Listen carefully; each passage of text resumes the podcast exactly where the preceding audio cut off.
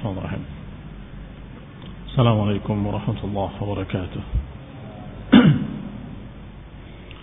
إن الحمد لله نحمده ونستعينه ونستغفره ونعوذ بالله من شرور أنفسنا ومن سيئات أعمالنا من يهده الله فلا مضل له ومن يضلل فلا هادي له وأشهد أن لا إله إلا الله وحده لا شريك له وأشهد أن محمدا عبده ورسوله صلى الله عليه وعلى آله وأصحابه والتابعين وتابع التابعين ومن تبعهم بإحسان إلى يوم الدين.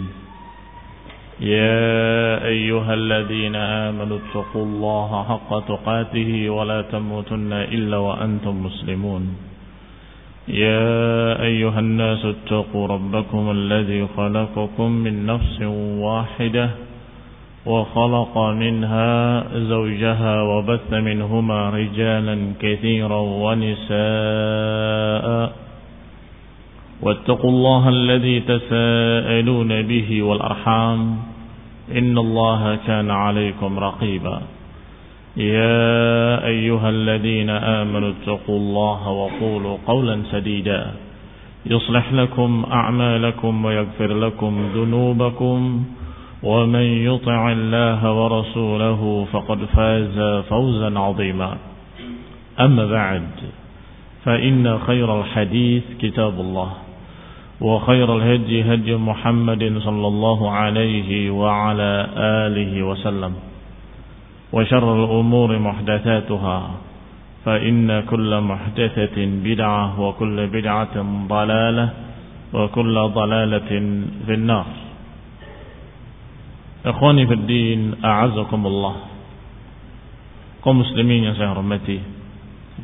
Masih kita berbicara tentang Al-Mi'raj. Naiknya Rasulullah sallallahu alaihi wa ala alihi wasallam bersama Jibril dengan kendaraan Buraq. Dari langit pertama sampai Sidratul Muntaha. Dan sudah dibahas bahwasanya di pintu langit pertama ada malaikat yang bernama Ismail yang membawahi 12.000 para malaikat yang masing-masing dari 12.000 dari 12.000 tersebut membawahi pula 12.000 dan bertanya man hada ya Jibril dijawab hada Muhammad sallallahu alaihi wa ala alihi wasallam aw Apakah sudah dibangkitkan? Dijawab bala. Benar. Dia sudah dibangkitkan. Maka dibukakan pintu langit. Kemudian Rasulullah SAW naik ke langit yang pertama.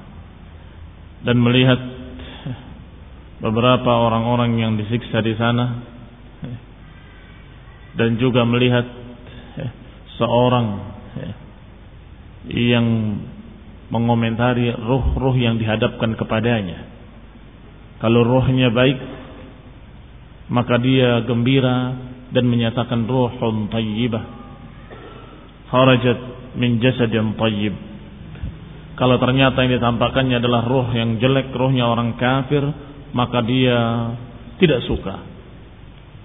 Bermuka masam dan menyatakan uff.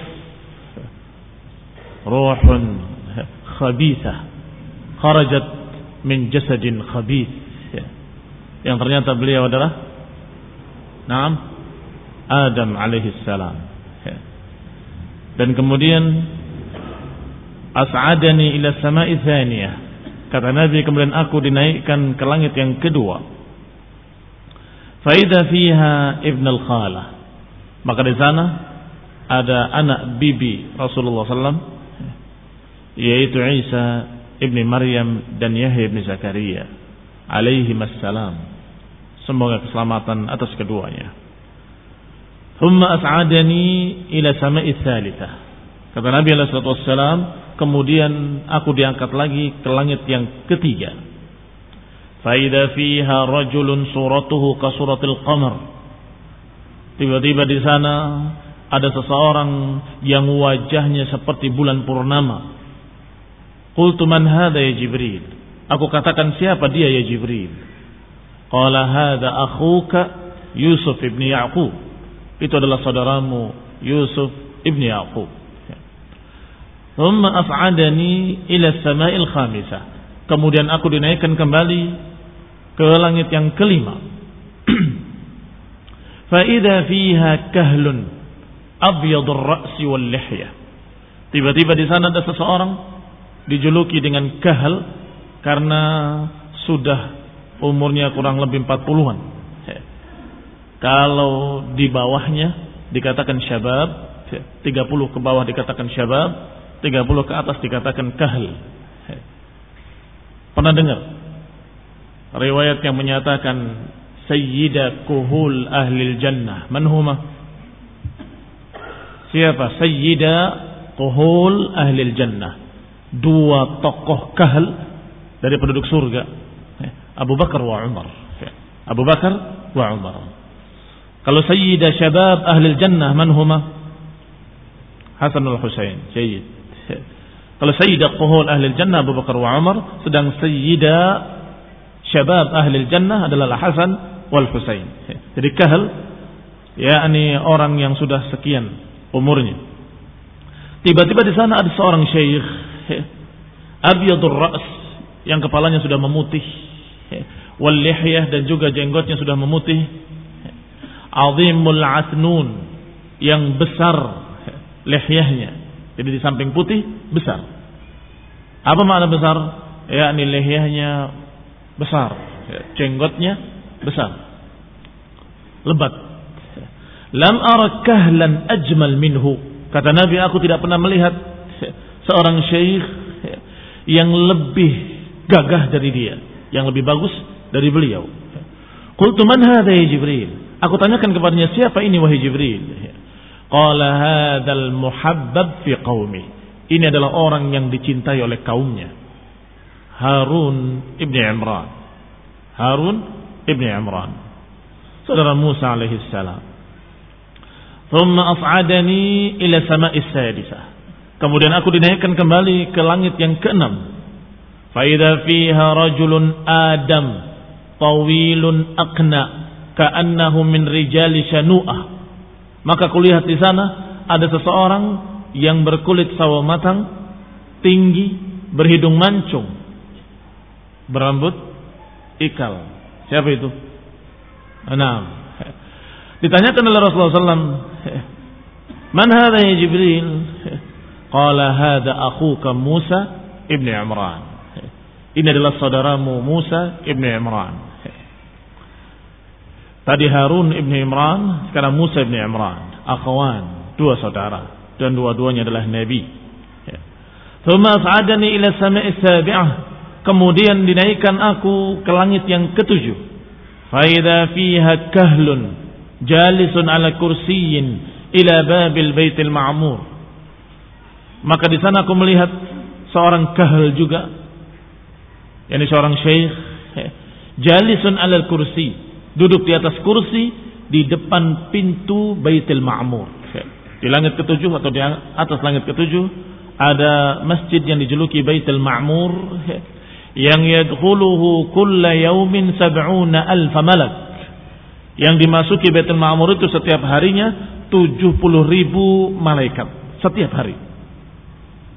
La yarji'una fihi ila yaumil setiap yang sudah masuk hari itu dia tidak masuk lagi sampai hari kiamat tetapi setiap hari ada yang masuk ke dalamnya dengan jumlah 70 ribu malaikat Berarti berapa jumlah malaikat? 70 ribu dikali jumlah hari sejak pertama sampai hari kiamat. Ini bukan yang kemarin. Bukan yang kemarin dibahas. Yang di langit ini. Yang di pintu langit pertama. Yang dipimpin oleh Ismail. Yang di bawahnya 12 ribu. Dan setiap 12 ribu itu masing-masingnya memiliki bawahan 12 ribu lagi. Ini yang masuk Baitul Ma'mur sudah 70 ribu setiap harinya dan yang masuk hari ini bukan yang kemarin, yang masuk besok bukan yang hari ini. Demikian seterusnya ila yaumil qiyamah. Lam ara rajulan asbah bi sahibikum. Orang yang duduk tadi Syekh, tidak ada seorang pun yang lebih mirip daripadanya atau yang lebih mirip dengannya kecuali sahabat kalian ini, yang beliau sendiri. Wala sahibukum asbah bihi minhu dan tidak pula ada seseorang atau tidak tidak pula sahabatmu ini paling mirip kecuali kepada dia. Ini tidak ada yang mirip dengan dia kecuali aku dan tidak ada yang mirip dengan aku kecuali dia. Man huwa? Nah, kemarin sudah dibahas. Ya. Ibrahim alaihi salam.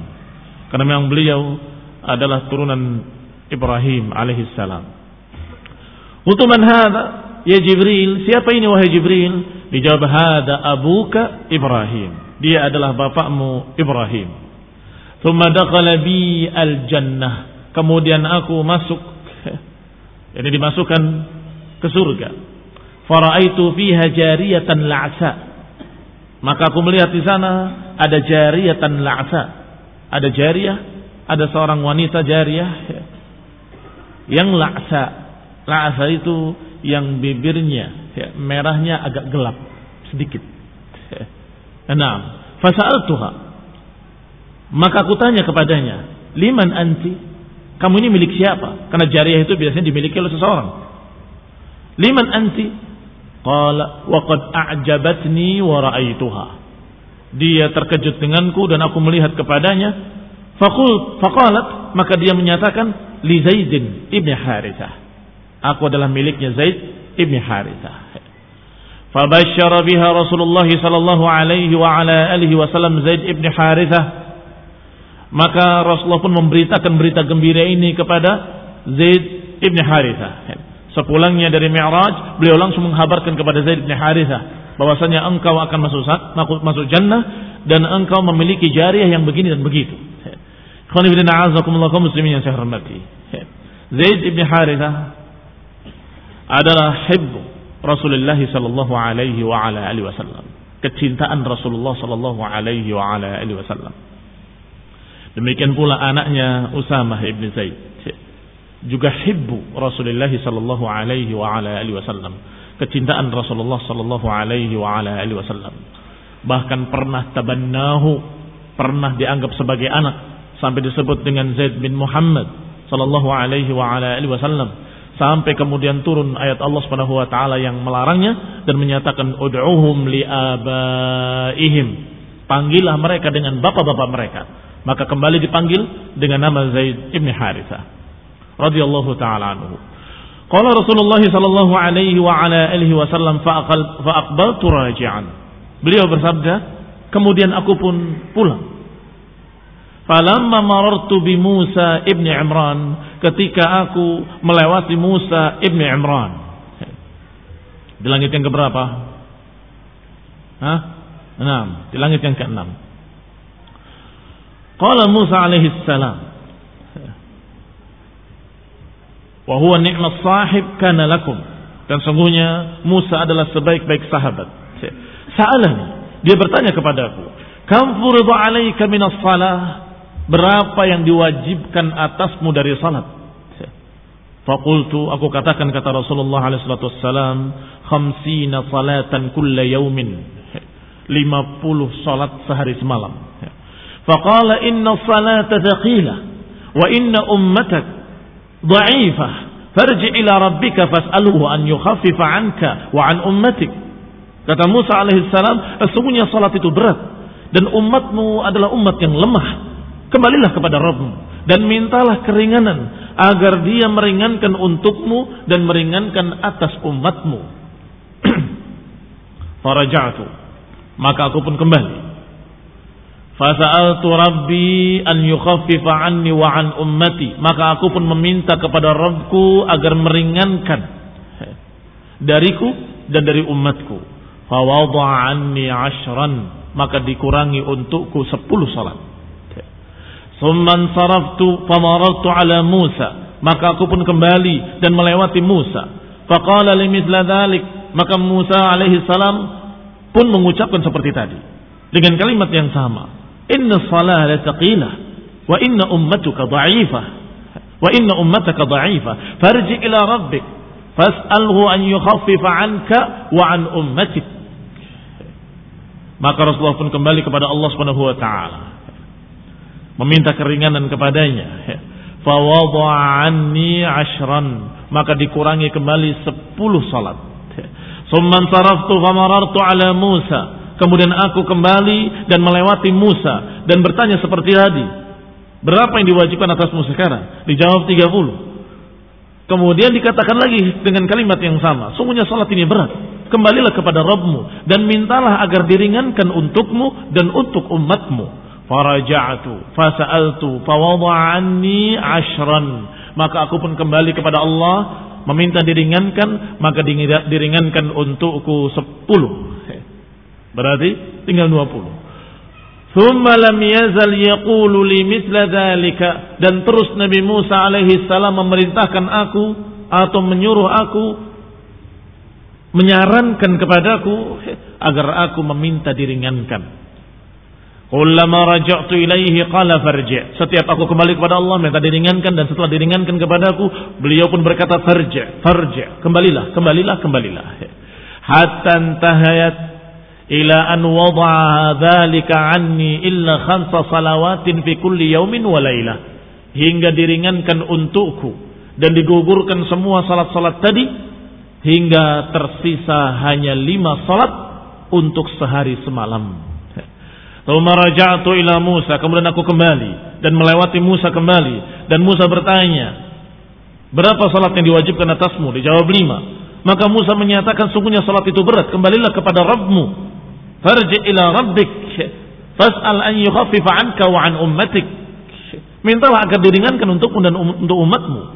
Maka Nabi pun menjawab dengan kalimat qad raja'tu rabbi wa sa'altuh aku sudah merujuk kepada Rabbku dan sudah meminta diringankan berkali-kali. Hatta stahyaitu minhu sungguh aku malu untuk kembali kepadanya. Fama ana bifa'il maka aku tidak melakukannya. Tidak akan melakukannya, tidak akan kembali.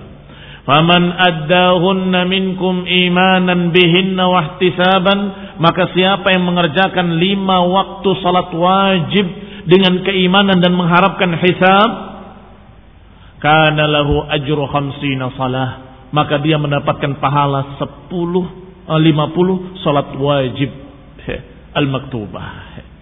Siapa yang mengerjakan lima salat yang wajib maka dia seakan-akan mengerjakan 50 salat yang wajib, mendapatkan pahala seperti 50 salat wajib. Ikhwan kaum muslimin yang saya hormati. Riwayat-riwayat ini atau kisah-kisah ini diriwayatkan dalam kitab-kitab sahih sebagaimana dalam Sahih Bukhari dan lainnya. Maka ikhwan ibn a'azakumullah dan apa yang terjadi antara Rasulullah SAW dan Musa alaihi salam sehingga diringankan salat dari 50 menjadi 5 waktu salah ini adalah sesuatu yang menunjukkan kemuliaan Rasulullah sallallahu alaihi wa ala alihi wasallam. Adapun ketika Rasulullah SAW menerima dari Allah 50 salat dan beliau menerimanya. Ini karena betul-betul istijabah Rasulullah SAW kepada Allah. Tidak ada kata kecuali sami'na wa ata'ana. Kami dengar dan kami taat. Apa pun yang diperintahkan oleh Allah, Rasulullah taat. Sami'na wa ata'ana. Maka di bawah perintah tadi berjalan. Sampai ketika Musa berbicara tentang umatnya, Rasulullah Shallallahu Alaihi Wasallam menerima sarannya Nabi Musa alaihi salam. Kenapa? Karena Nabi Musa dalam keadaan pernah mengalami dengan Bani Israel. Sedangkan umat Nabi Musa sangat banyaknya. Dan umat Rasulullah SAW lebih banyak lagi. Kalau masih ingat hadis ketika Rasulullah SAW menyatakan uridat alayyal umam ditampakkan kepadaku umat-umat. Ada nabi yang pengikutnya rajulun wa rajulan. Ada nabi yang pengikutnya hanya rahb, beberapa orang saja. Hanya sejumlah jari ini lebih dari tiga kurang dari sepuluh. Wa nabiyyun wa laysa ma'ahu ahad dan ada nabi yang tidak memiliki pengikut sama sekali. Thumma ra'aitu sawadan 'azim. Kemudian aku melihat jumlah manusia yang besar yang hanya hitam saja dari kejauhan. Aku menduga itulah umatku. Faqila li hadha ummat Musa. Itu adalah Musa wa qawmu. Ini menunjukkan bahwa pengikut Nabi Musa sangat banyaknya. Walakin endur ilal ufuk. Tetapi lihat ke ufuk lain. Maka Nabi SAW melihat ke ufuk lain, tiba-tiba beliau pun melihat sawadun azim. Juga jumlah yang sangat besar lagi. Dikatakan mereka adalah ummatuk. Wa ma'ahum sab'una alfan yadkhuluna al-jannah bighairi hisabin wal adab. Mereka adalah umatmu dan bersama mereka ada 70 ribu orang yang masuk surga tanpa hisab, tanpa adab. Dari hadis ini bahwa jumlah pengikut Nabi Musa juga besar jumlahnya. Sebagaimana umat Nabi Muhammad SAW juga besar ya, jumlahnya. Sehingga mengalami betapa repotnya dengan umat sedemikian besarnya. Maka Musa berpengalaman. Sedangkan Rasulullah SAW dalam keadaan waktu itu pengikutnya masih sedikit ya, belum banyak. Maka Rasulullah SAW menerima sarannya. Betul umatku nanti adalah besar dan akan datang umat-umat di belakang hari ila yaumil qiyamah yang termasuk umat Nabi Muhammad sallallahu alaihi wa wasallam. Maka kembali kepada Allah SWT meminta diringankan. Maka diringankan. Sehingga diterimanya perintah dari Allah karena beliau adalah seorang yang menerima apa pun yang diperintahkan oleh Allah dan ini sifat seorang mukmin sami'na wa ta'ana Sedangkan kembalinya Rasulullah SAW kepada Allah untuk minta diringankan karena sayangnya kepada umatnya. Kedua-duanya kemuliaan. Sehingga jangan didengar ocehan orang Syiah Rafidah atau ocehan para mereka-mereka kaum orientalis yang menyatakan bahwa hadis ini melecehkan Rasulullah SAW. Rasulullah seperti orang bodoh bolak-balik bolak-balik. Apa ini? Ini tidak pantas dimasukkan dalam kitab Sahih Bukhari katanya. Mereka berdusta demi Allah.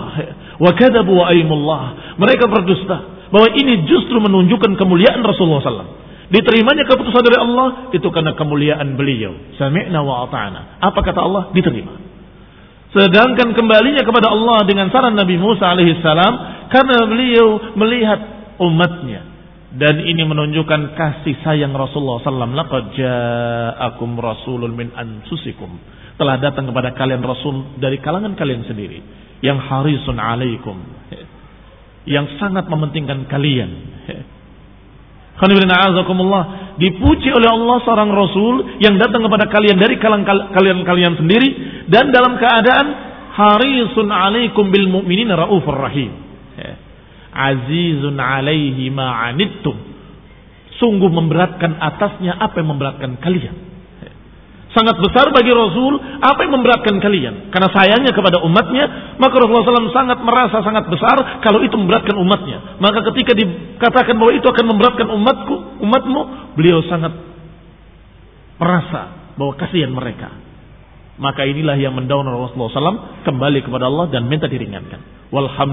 Alamin. Segala puji bagi Allah SWT yang telah mengutus Rasulnya kepada kita seorang yang arham bil mu'minin seorang yang paling sayang kepada kaum mukminin. Bil mukminina raufur rahim kata Allah. Yang terhadap orang mukmin sangat sayang. Ini Rasulullah sallallahu alaihi wa ala alihi wasallam. Kisah berikutnya dikisahkan oleh Ibnu Hisham tentang wafatnya Abu Talib wa Khadijah. Sudah kita katakan kemarin bahwa Isra dan Mi'raj adalah pada tahun berapa sebelum hijrah? Nah, satu tahun sebelum hijrah. Kemudian dikisahkan tentang Amul Huzn. Amul Huzn adalah tahun-tahun kesedihan. Itu justru tiga tahun sebelum hijrah. Berarti mana dulu? Amul Huzn dulu atau Isra Mi'raj dulu? Amul Huzn dulu. Tetapi di sini wallahu taala alam dikisahkan justru Isra Mi'raj dulu baru kemudian Amul Huzn. Padahal dikatakan oleh beliau rahimahullah ثم إن خديجة بنت خويلد وأبا طالب halaka fi amin wahidin. Kemudian Khadijah binti Khuwailid dan juga Abu Talib meninggal pada tahun yang sama. Fatataba'at ala Rasulullah sallallahu alaihi wa ala alihi wasallam al-masaib. Bihulki Khadijah karena meninggalnya Khadijah. Wa kanat lahu wazira sidqin ala al-Islam. Dan Khadijah merupakan waziratu sidqin pendukung Rasulullah SAW yang sangat jujur. Wazir adalah pendukung pembela di atas Islam. Yashku ilaiha. Rasulullah SAW kalau mengadu kepada Khadijah yakni kalau dalam keadaan sulit beliau akan datang kepada Khadijah dan menghabarkan beritanya aku begini aku begitu. Ini Rasulullah sallallahu alaihi wasallam dan Khadijah binti Khuwailid radhiyallahu taala anha wa ardaha. Sebagaimana kisah yang sudah lewat ketika Rasulullah SAW mendapatkan wahyu di Gua Hira, beliau datang kepada Khadijah dan kemudian menyatakan dasiruni dasiruni, selimuti aku selimuti ke aku. Dan kemudian menyatakan aku takut, aku takut. Aku takut bahwa aku tertimpa sesuatu. Ini sesuatu yang jelek, sesuatu yang tidak pantas menimpa seseorang, yaitu syai' fi aqlihi. Maka Khadijah yang menghiburnya. Maka Khadijah menyatakan kepadanya, "Kalla Innaka latasilur rahim. Tidak sekali-kali. Tidak mungkin. Engkau adalah orang yang menyambung silaturahmi. Engkau adalah orang yang berbuat baik. Engkau adalah orang yang membantu orang-orang lemah. Engkau adalah yang memberi kepada orang-orang yang tidak punya. Engkau adalah orang yang begini, orang yang begitu. La yukhzikallah abadan. Allah enggak akan menghinakan kamu sama sekali. Selama-lamanya. Yang tidak mungkin Allah menimpakan kamu penyakit junun, penyakit gila. Tidak mungkin. Engkau orang baik. Ini Khadijah.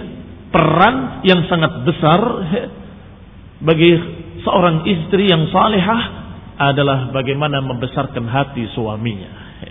Menghibur suaminya dan membesarkan hati suaminya. Maka dikatakan kanat lahu kedudukan Khadijah bagi Rasulullah SAW adalah wazir sidqin alal Islam. Pembela yang jujur di atas Islam. Yasku ilaiha yang Rasulullah SAW banyak menyampaikan kepadanya masalah-masalah. Dan juga bihul amihi Abi Talib dan juga Rasulullah SAW tertimpa banyak musibah-musibah, bencana-bencana setelah meninggalnya Khadijah dan setelah meninggalnya pamannya Abu Talib. Wa kana lahu 'adudan wa hirzan fi amrih. Dan Abu Talib tadinya adalah sebagai 'adud, sebagai lengan yang menghalangi dan melindungi Rasulullah SAW. Wa hirzan dan sebagai benteng penjaga bagi Rasulullah SAW wa man'atan wa nasiran, pelindung dan penolong terhadap kaumnya. Karena Abu Talib adalah tokoh di kaumnya, maka ketika dia menyatakan bahwa Muhammad adalah di bawah perlindunganku. Barang siapa yang berani mengganggunya maka dia berurusan denganku, maka orang-orang Quraisy tidak ada yang berani mengganggu Rasulullah sallallahu alaihi wasallam. Wadhalika qabla muhajirihi ila al-Madinah bi sinin. Bi sinin. Dan ini terjadi, ini meninggalnya Abu Talib dan Khadijah itu adalah sebelum hijrah tiga tahun. Falamma halaka Abu Talib nalat Quraisy min Rasulillah. Maka ketika meninggalnya Abu Talib, mulailah orang-orang Quraisy berani lancang mengganggu Rasulullah sallallahu alaihi wasallam, melemparkan berbagai macam gangguan kepadanya. Malam takun tatma' bihi fi hayati Abi Talib. Apa-apa yang tadinya mereka tidak bisa berharap tidak bisa melakukannya di zaman hidupnya Abu Talib hatta taradahu safihun min sufahai Quraisy hingga sampai Rasulullah SAW diganggu oleh seorang safih orang bodoh dari kalangan orang-orang bodoh Quraisy fanazara ala ra'sihi turaban dilemparkan ke kepalanya tanah pasir sehingga rambut Rasulullah SAW berlumuran pasir. Wadakala Rasulullah SAW baitahu watturabu ala ra'sih. Rasulullah SAW masuk ke rumahnya dalam keadaan di kepalanya penuh dengan tanah. Faqamat ihda banatihi maka bangkitlah salah seorang anak perempuannya. Faja'alat taghsil anhu turab mulailah dia mencuci rambut Rasulullah SAW dan membersihkan rambutnya. Wahiyya tabki sambil menangis membersihkan rambut bapaknya. Wa Rasulullah sallallahu alaihi wa ala alihi wasallam yaqulu laha dan Rasulullah SAW berkata kepada anak perempuannya la tabki jangan kau menangis. Ya bunayyati wahai anak perempuanku. Fa innallaha mani'un abak. Jangan menangis wahai anak perempuanku. Sesungguhnya Allah akan melindungi bapakmu. Wa yaqulu baina dzalik dan juga berkata di antaranya manalat minni quraisyun syai'an akrahuhu hatta mata Abu Talib. Sungguh aku tidak pernah terkena dari Quraisy apa-apa yang aku tidak suka kecuali setelah matinya Abu Talib. Aku tidak terkena sesuatu yang jelek dari mereka dari orang-orang Quraisy kecuali setelah matinya Abu Talib.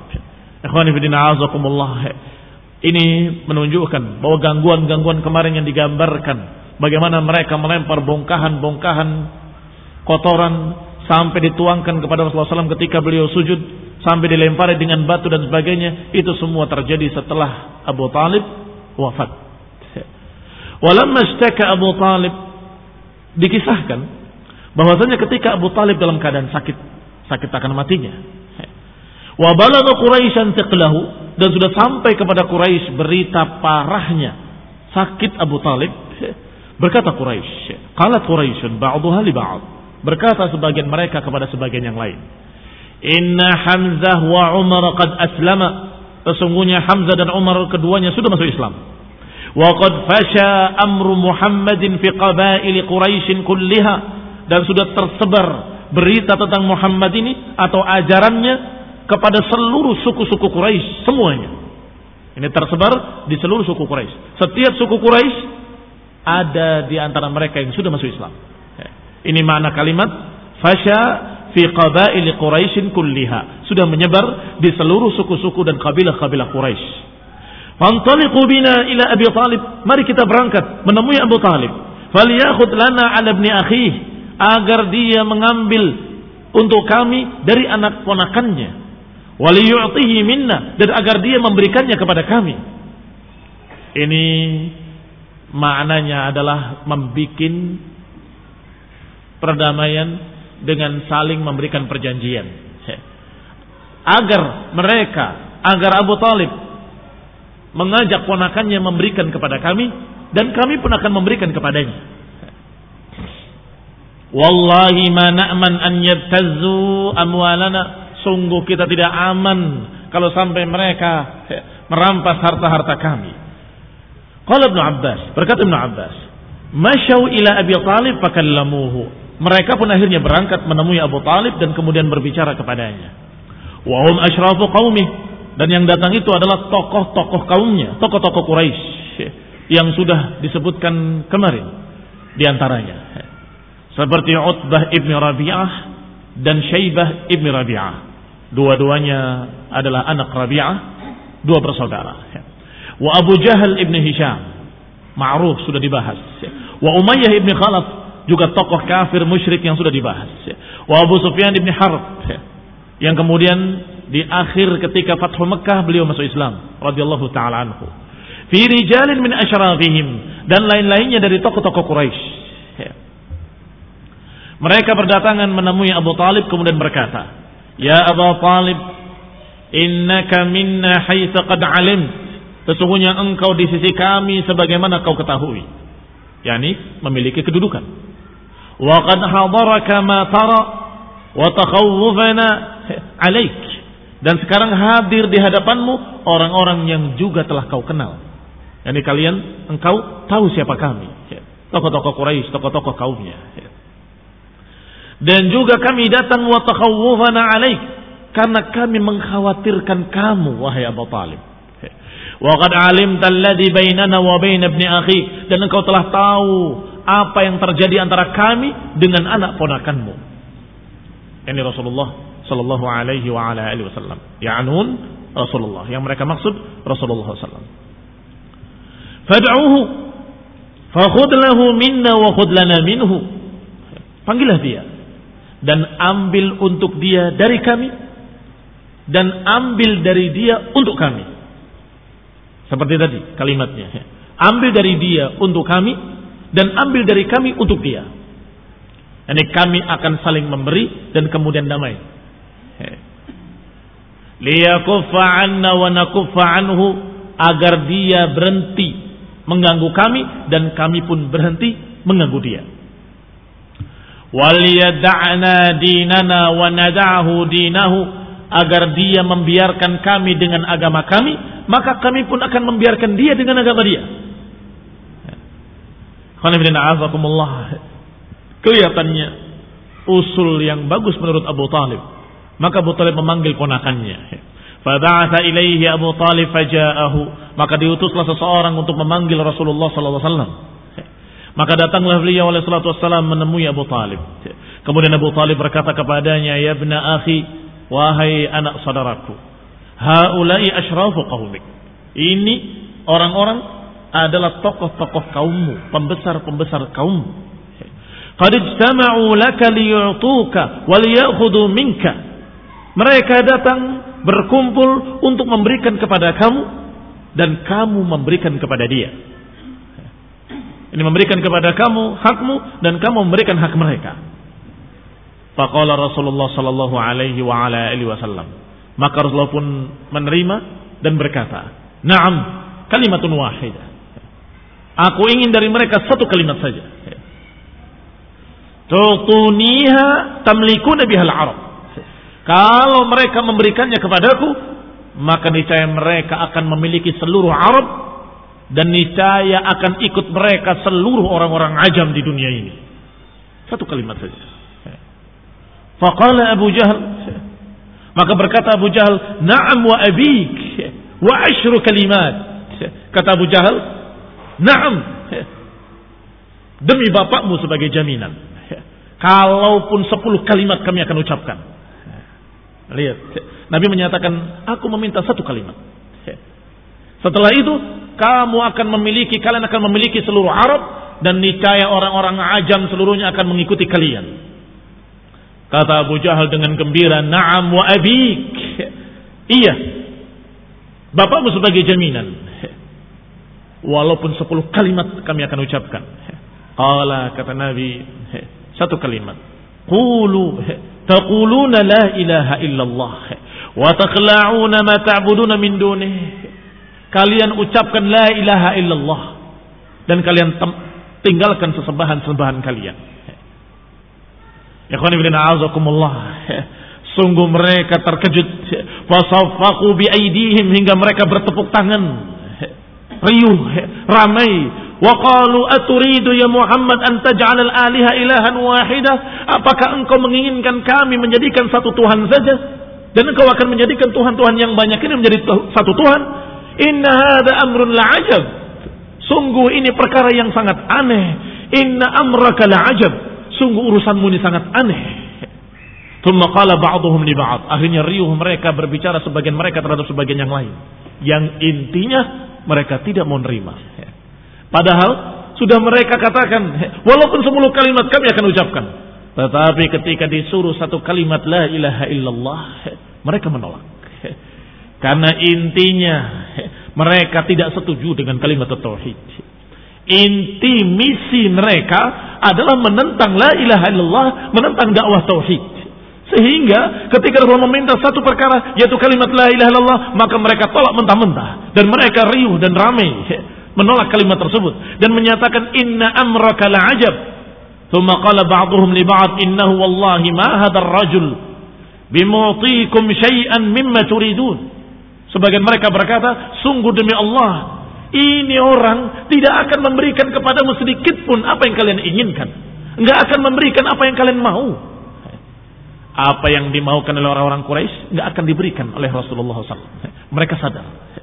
Mereka sadar bahwa Rasulullah SAW adalah orang yang berpendirian tegar, kokoh, kuat sebagai gunung yang kokoh, nggak akan goncang, nggak akan goyang.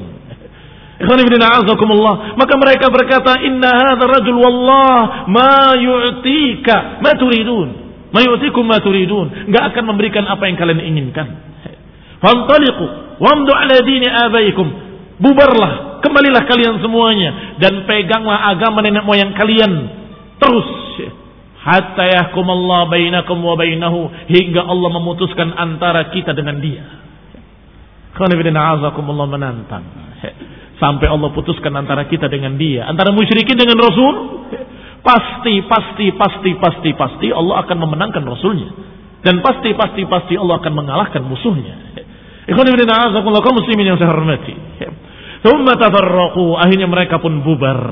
فقال رسول الله صلى الله عليه وعلى alihi وسلم والله يا ابن akhi." Ini kelihatannya salah cetak. Faqala li Rasulillah sallallahu alaihi wa ala alihi wasallam. Maka Abu Talib pun berkata kepada Rasulullah sallallahu Wallahi ya ibn akhi, demi Allah wahai anak ponakanku. Ma ra'aituka sa'altahum syatata. Sungguh demi Allah wahai anak ponakanku, aku enggak pernah melihat engkau meminta yang lain-lain. Kecuali itu. Ya, ini melihat betapa kokohnya Rasulullah SAW. Tidak meminta apa pun. Bayangan orang-orang Quraisy adalah seperti para politikus hari ini. Kalau diajak tawar-menawar bergening, pasti mereka akan memintanya urusan kedudukan, urusan harta, urusan kekayaan. Itu diminta. Kamu minta apa? Kami gak akan khawatir kalau harta kami habis. Kita akan khawatir. Yang penting ini orang diam. Ternyata bukan meminta kedudukan, bukan meminta harta, bukan mengusulkan sesuatu usulan-usulan dunia, tidak. Bahkan bukan meminta kepemimpinan, tetapi meminta satu kalimat. Kalian ucapkan selesai, yaitu kalimat la ilaha illallah. Ikhwani biddin, a'azakumullah kaum muslimin yang saya. Orang-orang Quraisy ketika itu, orang-orang Arab bi asriha adalah orang-orang yang konsekuen kalau mengucapkan kalimat, mereka akan konsekuensi dengan kalimatnya. Sehingga mereka berpikir, kalau mereka mengucapkan kalimat la ilaha illallah, konsekuensinya mereka harus meninggalkan Tuhan-Tuhan mereka. Konsekuensinya mereka harus meninggalkan kesyirikan-kesyirikan mereka. Konsekuensinya mereka tidak beribadah kecuali kepada Allah. Itu mereka tahu. Sehingga berbeda dengan orang-orang sekarang. Kalau orang-orang sekarang dikatakan qulu la ilaha illallah, ucapkan la ilaha illallah, mereka serentak mengucapkan la ilaha illallah. Tetapi ketika mereka setelah mengucapkan la ilaha illallah, yang syirik tetap syirik, yang sesajen tetap sesajen, yang meminta kekuburan tetap meminta kekuburan, yang berbuat berbagai macam kekufuran, kesyirikan tetap dalam kesyirikannya, tetap dalam kekuburannya. Tetapi orang-orang Arab di samping paham kalimat la ilaha illallah, mereka adalah orang-orang yang konsekuen. Kalau iya, iya, tidak, tidak. Kalau iya diucapkan, mereka konsekuen memegangnya. Kalau mereka tidak mau konsekuen, mereka tidak akan mengucapkannya. Tidak. Ini khuludin a'azakullah kaum muslimin yang saya hormati. Sehingga Rasulullah hanya menyatakan dengan kalimat Qulu la ilaha illallah tuflihu. Ucapkan la ilaha illallah, selesai. Kalian akan selamat. Sebagaimana diriwayatkan oleh Abu Sufyan radhiyallahu taala anhu mengisahkan dirinya ketika beliau masih kafir ditanya oleh Raja Heraklius Ditanya apa ajakan Nabi yang ada di tengah-tengah kalian. Dijawab oleh Abu Sufyan. Dia hanya berkata, Qulu la ilaha illallah tuflihu. Ada di sahih Bukhari. Ikhwan ibn a'azakullah muslimin hormati. Maka dikatakan ketika mereka disuruh mengucapkan kalimat la ilaha illallah mereka menolak. Dan mereka menyatakan a inna la tariku alihatina li syairin majnun. Apakah kami harus meninggalkan Tuhan-Tuhan kami untuk seorang penyair yang gila? Atau dengan kalimat tadi disebutkan. Aja'alal alihata ilahan wahida? Inna hadha la syai'un ujab. Apakah mereka menjadikan Tuhan-Tuhan yang banyak menjadi satu Tuhan? Inna hadha la syai'un ujab. Sungguh ini perkara yang sangat aneh.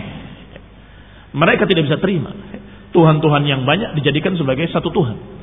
Mereka beranggapan ada Tuhan khusus untuk minta hujan. Ada Tuhan khusus untuk undi nasib. Ada Tuhan khusus untuk mereka memberikan sesajen-sesajennya. Ada Tuhan khusus untuk ini dan untuk itu. Maka ketika dikatakan la ilaha illallah, mereka terkejut. Dan mereka menyatakan aja'alal alihata ilahan wahida. Inna hadha la syai'un ujab. Apakah Tuhan-Tuhan yang banyak akan dijadikan satu saja? Sungguh ini perkara yang aneh kata mereka. Ikhwan ibn a'azakumullah. Maka Abu Talib melihat kekokohan anak ponakannya. Melihat betapa istiqomahnya ponakan beliau. Maka Abu Talib berkata, Wallahi ya ibn akhi, ma ra'aituka sa'altahum syatata. Sungguh aku tidak pernah melihat engkau meminta dari mereka sesuatu yang lain. Dari perbendaharaan harta misalnya. Atau sesuatu yang selain. La ilaha illallah. Selain dakwahmu itu. Enggak pernah. Falamma qalaha Abu Talib tama'a Rasulullah sallallahu fi islami. Ketika Abu Talib bilang begitu, maka Rasulullah pun semangat. Muncul harapan ingin mendakwahi Abu Talib kepada la ilaha illallah. Tama'a fi islamihi. Beliau semangat untuk mengislamkannya. Faja'ala yaqul, maka dia berkata kepada pamannya Abu Talib, "Ayyam, wahai pamanku, fa anta faqulha Istahalla laka biha syafa'a yaumil qiyamah. Wahai pamanku, kalau begitu engkau ucapkanlah kalimat la ilaha illallah. Sungguh kalau engkau mengucapkan kalimat la ilaha illallah istahalla laka biha syafa'ah akan halal bagimu syafaat yaumul qiyamah nanti yaumul qiyamah sudah kita katakan tadi kalau maknanya mengucapkan bagi mereka orang-orang Arab mengucapkan dengan konsekuen. Bukan qauluha bilisani faqat. Bukan hanya ucapan di lisan tanpa di hati. Bukan hanya ucapan di lisan tanpa ada keyakinan bukan. Karena itu adalah madhab murjiah yang menyatakan hanya qaul saja. Tetapi karena sudah diketahui oleh Rasulullah SAW bahwa mereka orang-orang Arab kalau dikatakan qul la ilaha illallah maka dia akan mengucapkan dengan konsekuen dan dengan paham maknanya karena mereka orang Arab dan mereka ngerti apa makna kalimat tersebut dan mereka tahu apa konsekuensi-konsekuensinya. Buktinya sudah banyak. Bahkan di antara buktinya ketika Rasulullah menyatakan kepada orang-orang Quraisy, "Qulu la ilaha illallah," ucapkan la ilaha illallah. Apa jawaban mereka? Bagaimana hubungan kami dengan Rum dan Persia? Disuruh mengucapkan la ilaha illallah, jawabnya, apa hubungan kami nanti? Bagaimana hubungan kami dengan Romawi dan Persia? Artinya, mereka menyadari kalau menyatakan la ilaha illallah berarti mereka tidak boleh lagi menghambakan diri kepada manusia mana pun termasuk Raja Romawi, termasuk Raja Persia, termasuk tokoh-tokoh dunia. lihat pahamnya mereka tentang kalimat tersebut. Dan juga lihat pula bagaimana mereka tidak mau mengucapkan kecuali kalau konsekuen. Sehingga munafikin itu memalukan di tengah orang-orang kafir Quraisy apalagi di kalangan muslimin. Di kalangan orang-orang kafir memalukan. Orang-orang munafik dan itu munculnya nanti ketika sudah hijrah ke Madinah. Ketika kaum muslimin sudah dalam keadaan memiliki negeri, memiliki kemenangan, kekuatan, maka muncullah orang-orang yang banci. Adapun aslinya mereka orang-orang Arab adalah orang-orang yang rijal, tidak banci dan tidak munafik. muslimin yang hormati. Maka Rasulullah mengatakan kepada pamannya, "Ayam, wahai pamanku, fa anta ilaha illallah." Istahalla biha asy-syafa'ah. Akan menyebabkan halal untukmu syafaat. Yaumul qiyamah. Yakni orang-orang yang akan dibela oleh Rasulullah SAW adalah orang-orang yang mengucapkan dengan konsekuen kalimat la ilaha illallah. Sebagaimana diriwayatkan dalam hadis yang sahih dalam riwayat Bukhari dari Abu Hurairah radhiyallahu taala anhu. Ketika ditanya Rasulullah SAW, Ya Rasulullah, man as'adan nas bi syafa'atika yaumal qiyamah? Siapa yang paling berbahagia mendapatkan pembelaan syafaatmu nanti yaumul qiyamah? Dijawab, man qala la ilaha illallah sidqan min qalbihi. Orang yang mengucapkan la ilaha illallah dengan jujur dari hatinya. Atau kama kala Rasulullah SAW di dalam hadis ini orang yang akan berbahagia mendapatkan syafaat dari Rasulullah SAW adalah yang mengucapkan la ilaha illallah dengan konsekuen. Maka Rasulullah menyatakan kepada pamannya, Ya am, wahai pamanku, Qul la ilaha illallah kalimatun uhajju laka biha indallah. Wahai pamanku, ucapkan kalimat la ilaha illallah, kalimat yang aku akan membelamu nanti yaumul qiyamah. Ini aku akan memberikan syafaat kepadamu akan membelamu dengan kalimat tersebut karena engkau sudah mengucapkan kalimat la ilaha illallah. Ikhwani fid din, a'azakumullah, kaum muslimin yang saya hormati. Lihat betapa semangatnya Rasulullah SAW mengajarkan kalimat tauhid kepada manusia, kepada orang kafir, kepada orang yang dalam keadaan seperti itu. Yani kokoh dengan agama syiriknya, tetap diulangi lagi, diulangi lagi sampai akhir hidupnya masih dikatakan lagi, "Qul Ya am, kalimat la ilaha illallah. Qul la ilaha illallah. Katakan la ilaha illallah. Falamma ra'a hirsa Rasulullah SAW qala. Ketika Abu Talib melihat betapa semangatnya Nabi, betapa semangatnya ponakannya mengajak dia mengucapkan kalimat la ilaha illallah, maka Abu Talib menjawab, Ya ibn akhi, wallahi laula makhafatu subbah alaika wa ala bani abika min ba'di wa an tadhunna quraisyun anni innama qultuha jaz'an min al-mauti la qultuha la aquluha illa li asarraka biha. Wahai anak pamanku sungguh demi Allah kalau saja tidak khawatir cercaan kepadamu dan juga cercaan kepada anak-anak dari bapakmu. Cercaan terhadap anak-anak bapakmu setelahku dan cercaan mereka terhadap kita Antadunna Quraisy karena dikhawatirkan Quraisy akan berkata, akan mengira bahwa aku mengucapkan kalimat la ilaha illallah hanya karena takut mati. Khawatir jangan sampai mereka mencercaku dan mencerca kamu juga dan moyangmu bahwa ternyata aku mengucapkannya hanya karena takut mati, takut mati kemudian mengucapkan la ilaha illallah. Kalau saja bukan karena itu, aku akan ucapkan la ilaha illallah. La aquluha illa li asarraka biha. Aku tidak mengucapkannya hanya karena ingin menyenangkan kamu, tidak. Ya, ini tidak mau mengucapkannya hanya karena ingin menyenangkan kamu dan juga tidak mau mengucapkannya hanya karena dikatakan takut mati, tidak. Lihat ya, repotnya orang yang kayak gini ini, sok tokoh. Sehingga kemarin ketika sehat tidak mau mengucapkan. Sekarang ketika sakit mau mati, saya kalau mengucapkan sekarang nanti dikira takut mati. Memang hidayah itu dari Allah subhanahu wa ta'ala. Yahdi man yasha wa yudillu man yasha. Allah berikan hidayah kepada siapa yang dikehendaki dan Allah sesatkan siapa yang dikehendakinya. Maka Abu Talib pun tidak mengucapkannya. Falamma taqaraba min Abi Talib al-maut. Ketika Abu Talib sudah hampir mati. Nazar al-Abbas. Abbas, paman Rasulullah SAW, melihat mendekati Abu Talib dan melihat bibirnya bergerak-gerak yuharriku syafataihi menggerakkan bibirnya fa ilaihi biudunih bahkan dia berupaya untuk mendengarkan dengan telinganya mendekatkan telinganya ke mulut Abu Talib yang sedang bergerak-gerak. Apa yang diucapkannya? Kemudian berkata kepada Rasulullah SAW ya ibn akhi wallahi laqad qala akhi kalimah allati amartahu an yaqulaha. Sungguh, wahai anak ponaanku, sesungguhnya saudaraku ini mengucapkan kalimat yang kamu perintahkan tadi, kalimat la ilaha illallah. Faqala Rasulullah, maka Nabi pun bersabda, sallallahu alaihi wa ala alihi wasallam, la ma asma. Lam asma, aku tidak dengar. Aku tidak mendengar. Dan ditegaskan lagi bahwa Abu Talib tidak mengucapkannya dengan ayat Allah Subhanahu wa taala yang turun kepada Rasulullah wasallam. Innaka la tahdi man ahbabta walakin Allah yahdi man yasha. Sesungguhnya engkau tidak bisa memberikan hidayah kepada orang yang kau cintai.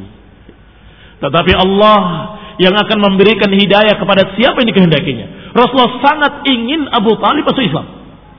Tetapi takdir di tangan Allah bukan di tangan Rasulullah SAW.